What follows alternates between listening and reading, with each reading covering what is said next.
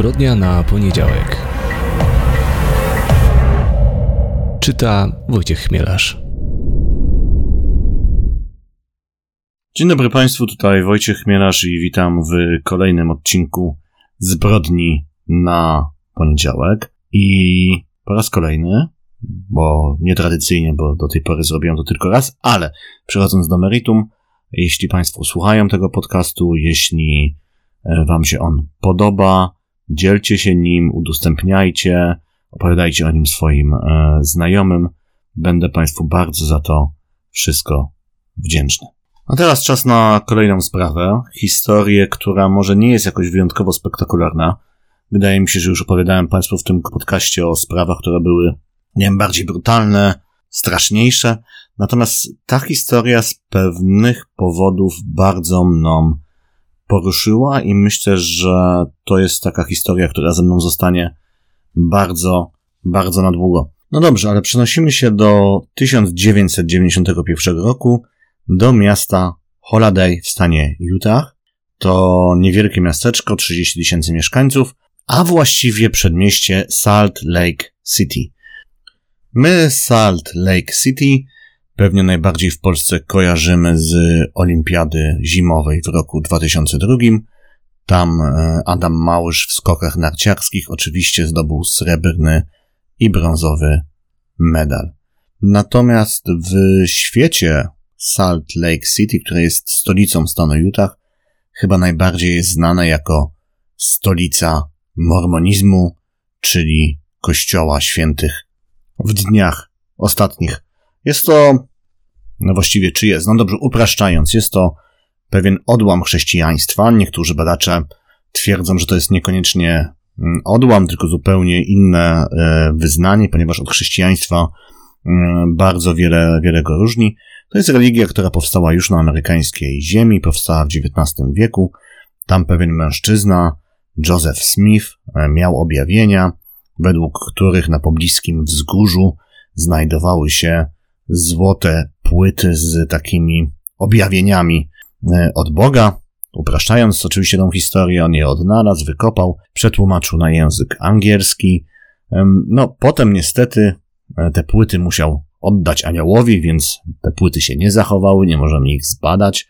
No, jest tam bardzo dużo e, dziwnych historii z tym mormonizmem e, związanych. Jest to bardzo taka restrykcyjna religia, która wyklucza alkohol, wyklucza wszelkie nałogi. Ja też kiedyś czytałem, pamiętam, że właśnie z tego chociażby powodu bardzo chętnie mormonów zatrudnia Centralna Agencja Wywiadowcza, czyli CIA, bo wiedzą, że właśnie z powodów religijnych ci, ci ludzie no na pewne sztuczki obcych wywiadów się po prostu nie złapią. Ale też e, wiążą się z tą religią e, pewne kontrowersje, tak? Ta, ta największa to jest e, związana z tym, że oni praktykowali, a niektórzy to praktykują do dziś dnia wielożeństwo, tak? Czyli jeden mężczyzna ma kilka, kilka żon. No, natomiast ta, ta religia, tak jak już mówiłem, mm, no właśnie też mormonów mogliśmy w Polsce widzieć, przynajmniej ja widziałem w Warszawie kilka lat temu. Oni też bardzo chętnie jeżdżą na misje, gdzie o tej religii swojej do różnych krajów, gdzie o tej religii swojej um, opowiadają. To są zawsze tacy młodzi mężczyźni, bo te co jako młodzi mężczyźni wyjeżdżają e, w spodniach od garnituru, białych koszulach i mają tabliczkę ze swoim imieniem i nazwiskiem zawsze i, i zaczepiają ludzi, żeby im o swojej religii e, opowiedzieć. Jest to taka religia, no, która się kojarzy z grzecznymi, grzecznymi chłopcami.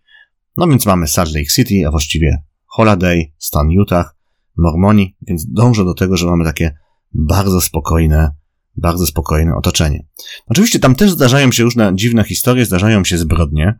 O jednej z nich napisał w takiej mm, wspaniałej książce True Crime John Krakauer.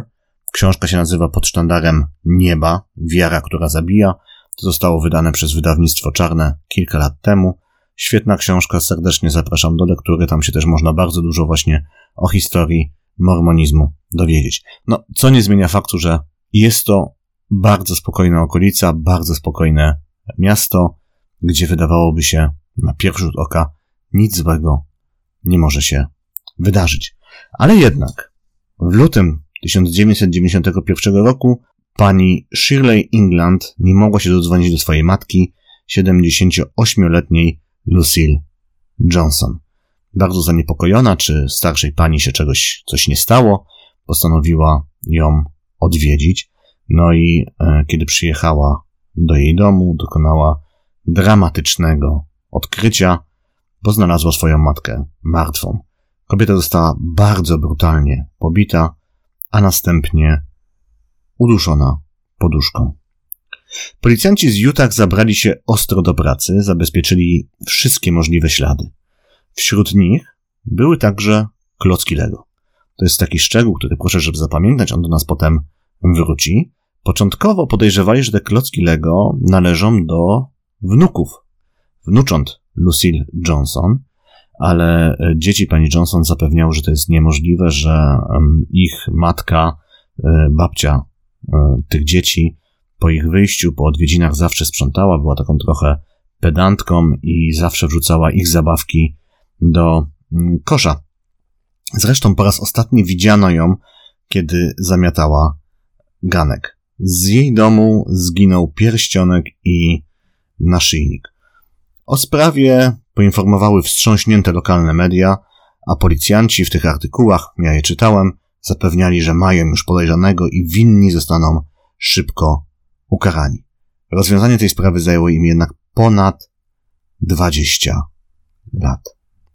Bo wbrew pozorom sprawa od początku była bardzo trudna. Policjanci nie mieli żadnych świadków ani poważnych tropów. Podejrzewali, że sprawcą musiał być ktoś bliski ofiarze, z tego powodu, że no, starsza pani była trochę podejrzliwa i wydawałoby się, że nikogo obcego do domu nie wpuści. No ale prawda okazała się być zupełnie inna, natomiast to, tak jak mówiłem, nastąpiło po 20 latach, w tym 1991 roku, ku rozpaczy rodziny, a myślę, że także ku rozpaczy, a raczej wściekłości policjantów, którzy prowadzili tą sprawę, e, postanowiono ją zamknąć z powodu niewykrycia, nieznalezienia sprawcy. Przełom nastąpił dopiero w 2013 roku, kiedy zajął się nią nowy zespół detektywów i powtórnie zbadał zebrany w 1991 roku materiał dowodowy. Tym razem skorzystali z dobrodziejstw nowoczesnych technologii śledczych, z technologii, do których po prostu w 1991 roku nie mieli jeszcze dostępu, a były to przede wszystkim analizy DNA, które potem porównano z danymi, które znajdowały się w federalnej bazie tych śladów różnych DNA. Co odkryto? E, przede wszystkim zbadano ślady pod paznokciami ofiary. Okazało się, że pasują one do profilu DNA niejakiego Johna Sansinga, który oczekuje na wykonanie wyroku śmierci w więzieniu w Arizonie za morderstwo. To do tego morderstwa doszło w 1998 roku. John Sansing był wtedy żonaty z Karą Sansing. Oboje byli ubodzy, on miał już wtedy bogatą kartoteket różnych przestępstw i wykroczeń. Sam pochodził z rozbitej rodziny z Alabamy, przez lata żył z matką, która jednak ledwo się nim zajmowała. On właściwie sam musiał się wychowywać, dużo się włóczył e, po ulicy, aż w końcu matka w 90, przepraszam, w 84 roku wysłała go do ojca do Utah. Życie Kary Sansing było jeszcze bardziej dramatyczne. Ona urodziła się w Bangladeszu mm, i jej rodzina się tam nad nią znęcała. Teraz proszę sobie to wyobrazić. Mała dziewczynka w Bangladeszu, no wiemy, że nie jest to nie wiem, najbogatsze, najlepsze miejsce do życia mm, na Ziemi. Natomiast co tam musiało się dziać, że ta mała dziewczynka zdecydowała się uciec? I uciekła mm, do Indii. Przez jakiś czas żyła na ulicach Kalkuty, no wtedy jednego z najbardziej e, biednych, naj, najstraszniejszych miast, mm, e, miast e, świata, gdzie była niewiarygodna nędza, no i tam robiła wszystko, żeby przeżyć. Jako mała dziewczynka trafiła do indyjskiego więzienia, no i wtedy w jakiś sposób jej życie się odmieniło. Znaczy, wiadomo w jaki sposób, natomiast w jakiś sposób, tego nie wiem, nie wiem jak, dowiedziała się o niej pracownica opieki społecznej Salt Lake City właśnie. No i tak się wzruszyła tą historią małej, małej dziewczynki, która mm, odsiaduje wyrok w indyjskim więzieniu, że postanowiła ją adoptować. Sprowadziła, sprowadziła małą do Stanów Zjednoczonych i zaadoptowała. Uczyniła swoją córką. Więc i John Sansing i Kara Sansing mieli swoją historię, spotkali się, zakochali, szybko urodziło im się pierwsze dziecko, natomiast ich największym problemem no nie była przeszłość, nie była bieda, ale było to, że oboje byli uzależnieni od kraku i potrzebowali pieniędzy na kolejną działkę. John Sansing zgłosił się więc do pobliskiego kościoła i zapisał do programu, w którym jego rodzina miała dostawać darmowe posiłki. Była to tylko jednak połowa jego planu. Druga zakładała, że obrabuje osobę, która przywiezie im jedzenie. Była to 40-letnia Elizabeth Calabrese. Kiedy kobieta pojawiła się w domu Sansingów, została natychmiast zaatakowana. John brutalnie ją pobił, potem zgwałcił, wreszcie obwiązał jej głowę torbą i udusił. Elizabeth Calabrese przez cały ten czas, bo to trwało kilkanaście, może nawet kilkadziesiąt minut, na przemian modliła się i błagała go, żeby jej nie zabijał. I teraz ten najstraszniejszy szczegół, najbardziej drastyczny, wszystkiemu temu przyglądała się czwórka dzieci pary narkomanów. Mężczyzna nawet w pewnym momencie przerwał bicie i kazał im iść oglądać telewizję. Wydaje mi się, że wtedy, kiedy on zabijał Elizabeth Calabrese, oni oglądali Scooby-Doo. Po wszystkim zabrał kobiecie biżuterię, sprzedał ją za zdobyte w ten sposób pieniądze, kupił narkotyki, a ciało ukrył pod kartonami na swoim podwórku. Sąd w tym przypadku nie miał żadnych wątpliwości. Był to zaplanowany mord dokonany z wyjątkowym okrucieństwem. John Sansing został skazany na karę śmierci. Jego żona Kara dostała dożywocie za współudział. Nie znalazłem żadnych informacji, co prawda, na temat tego, żeby aktywnie pomagała mężowi w mordzie. Niemniej nie próbowała mu przeszkodzić, nie próbowała pomóc kobiecie, nie zadzwoniła na policję, wiedziała także, co planuje mężczyzna i wreszcie skorzystała ze zdobytych w ten sposób pieniędzy, czyli wzięła po prostu mm, zdobyte przez Johna Sansinga narkotyki. No i według sądu w stanie Arizona to wystarczy, żeby uznać ją za współwinną i, i dostała wyrok dożywocie. Podobieństwa pomiędzy tymi dwiema sprawami, czyli pomiędzy e, śmiercią Lucille Johnson a, a śmiercią Elizabeth Calabrese, no są uderzające, tak? Mamy dwie kobiety, obie zostały najpierw pobite, najpierw, e, a potem uduszone, obu ukradziono biżuterię. Policjanci badający sprawę morderstwa Lucy Johnson zaczęli się przyglądać Sansingowi, badać jego przeszłość i odkryli kolejne dowody jego winy. Przede wszystkim jego żona w więzieniu przyznała się, że wiedziała, że w 1991 roku jej mąż zamordował w Utah jakąś kobietę. Ich bratanek z kolei przyszedł na policję i wyznał, że słyszał kłócących się wujka, wujka z ciotką. Ciotka podczas tych kłótni miała grozić wujkowi, że pójdzie na posterunek i opowie wszystko o morderstwie z Utah. I wreszcie ostatni, najbardziej wstrząsający dowód.